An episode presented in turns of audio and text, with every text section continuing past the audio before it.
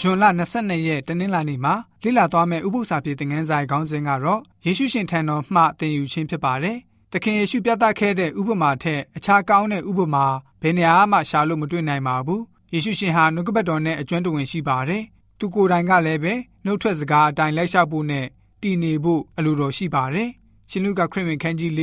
ငယ်၄နဲ့၈ပြီးတော့ငယ်30ကနေ7ကိုဖတ်ပါမယ်။ စာတန်ရဲ့ဆုံစမ်းခြင်းကိုတိုက်လည်နိုင်ဖို့ယေရှုရှင်ဟာနှုတ်ကပတ်တော်ကိုဘယ်လိုမျိုးအသုံးပြုခဲ့တယ်လဲဆိုတာကိုကြည့်ကြပါစို့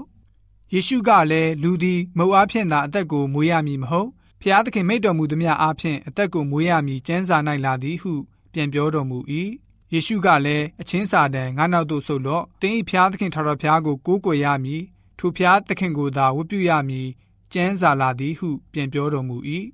ကျမ်းစာလာသည်ကတင့်ကိုစောင့်ရှောက်စေခြင်းက ကောင်းကင်တမန်တို့အားတင်းအဖို့မှထားတော်မူသည်ဖြစ်၍တင်း၏ခြေကိုကြောက်နှင့်မထိမခိုက်စေခြင်းကသူတို့သည်တင့်ကိုလက်နှင့်မဆချီပင်းကြလိမ့်မည်ဟုလာ၏ထို့ကြောင့်ကိုရောသည်ဖျားသခင်သားတော်မှန်လင်ဤအထွတ်မှကိုကိုအောက်သို့ချလိုက်တော်မူပါဟုလျှောက်လေ၏ယေရှုကလည်းတင်းဖျားသခင်ထာတော်ဖျားကိုတင်းသည်အစုံအစမ်းမပြုရဟုကြံစကားရှိသည်ဟု ပြန်ပြောတော်မူ၏ဆိုပြီးတော့ဖော်ပြထားတာတွေ့ရပါတယ်ယေရှုရှင်ဟာနှုတ်ကပတ်တော်ကိုကောင်းစွာနားလည်တက်ကြွပါတယ် ထရဖျားရဲ့နှုတ်ထွက်စကားနဲ့အလွန်မှပင်ရင်းနှီးပြီးတော့သူ့ရဲ့စိတ်ထဲမှာအမြဲထားရှိပါတယ်အသုံးပြုပါတယ်အဲ့လိုနှုတ်ကပတ်တော်နဲ့ရင်းနှီးနေခြင်းဟာတမန်ကျမ်းစာကိုလေ့လာတဲ့အခါမှာတန်မိုးရှိလာတဲ့အကျိုးရလဒ်တွေကိုရရှိစေပါတယ်အကယ်၍သာယေရှုရှင်ဟာနှုတ်ကပတ်တော်ကိုကောင်းစွာသိရှိထားခြင်းမရှိခဲ့ဘူးဆိုရင်စာတန်ရဲ့လှည့်ဖျားခြင်းကိုအလွယ်တကူအရှုံးပေးရလိမ့်မှာဖြစ်ပါတယ် စာတန်ကလည်းပဲတမန်ကျမ်းစာကိုထောက်ပြပြီးတော့မိမိရဲ့ရည်ရွယ်ချက်အတိုင်းစုံစမ်းလှည့်ဖျားခဲ့ပါတယ်။ဒါကြောင့်ကျွန်တော်တို့အနေနဲ့လည်းပဲစာတန်လိုသာကျမ်းစာကိုလိုသလိုအသုံးပြုတတ်ရုံနဲ့မလုံလောက်သေးပါဘူး။တမန်ကျမ်းစာရဲ့ဖော်ပြချက်တနေရာရာမှာ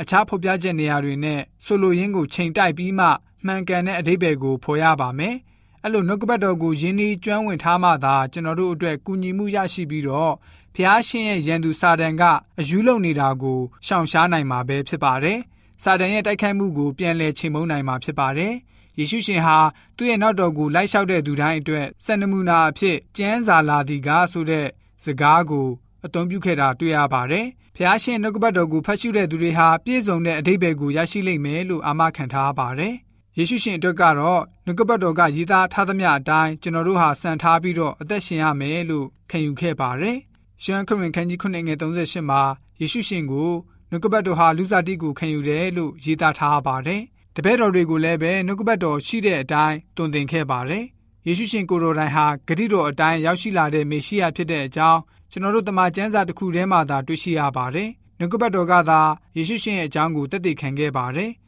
ယေရှုရှင်ကိုယ်တော်တိုင်ကတမန်ကျမ်းစာနှုတ်ကပတ်တော်အတိုင်းသာလိုက်လျှောက်အသက်ရှင်ဖို့အလိုရှိပါတယ်။ထထဖျားရဲ့စကားတော်ဟာရည်သားခြင်းကိုဖြစ်လာစေပါတယ်။ဖျားရှင်လိုတော်ရှိတဲ့အတိုင်းကျွန်တော်တို့ကိုဘယ်လိုမျိုးမိန့်မာခဲ့သလဲ။ကျွန်တော်တို့အနေနဲ့လည်းပဲဖျားရှင်ရဲ့မိန့်တော်မူသမျှကိုဘယ်လိုမျိုးပြန်ပြုလုပ်သင့်တယ်လဲ။ကျွန်တော်တို့အနေနဲ့စုံစမ်းခြင်းနဲ့ကြုံတွေ့ရင်ဆိုင်လာရတဲ့အခါမှာနှုတ်ကပတ်တော်ကိုကျွန်တော်တို့အသုံးပြုခဲ့ဘူးပါသလားစုံစမ်းခြင်းနဲ့ရင်ဆိုင်ရတဲ့အခါမှာတင့်အနေနဲ့ကျမ်းစာကိုဖတ်ရှုပြီးတော့ခွန်အားယူဘူးပါသလား ကျမ်းစာကနေအကြောင်းအချက်တွေကိုယူပြီးတော့စုံစမ်းခြင်းကိုရင်ဆိုင်ဘူးပါသလားကျွန်တော်တို့ယုံကြည်သူများအနေနဲ့သခင်ယေရှုခရစ်တော်ကိုယ်တိုင်စွန်စဲနောက်ဆက်ခြင်းနဲ့တွေ့ကြုံလာရတဲ့အခါမှာနှုတ်ကပတ်တော်ကိုကင်ဆွဲပြီးတော့ရင်ဆိုင်ခဲ့ပါတယ်။ထိုနည်းတူစွာကျွန်တော်တို့ယုံကြည်သူများအနေနဲ့လည်းပဲစုံစမ်းခြင်းတွေအခက်အခဲတွေနဲ့တွေ့ကြုံလာရတဲ့အခါမှာဖျားရှင်နှုတ်ကပတ်တော်ကိုအသုံးပြုပြီးတော့စုံစမ်းခြင်းတွေကိုရင်ဆိုင်တဲ့ယုံကြည်သူတွေဖြစ်စေဖို့အတွက်တနင်္လာနေ့ဥပုသ္စာပြေသင်ခန်းစာကဖော်ပြပေးထားပါတယ်။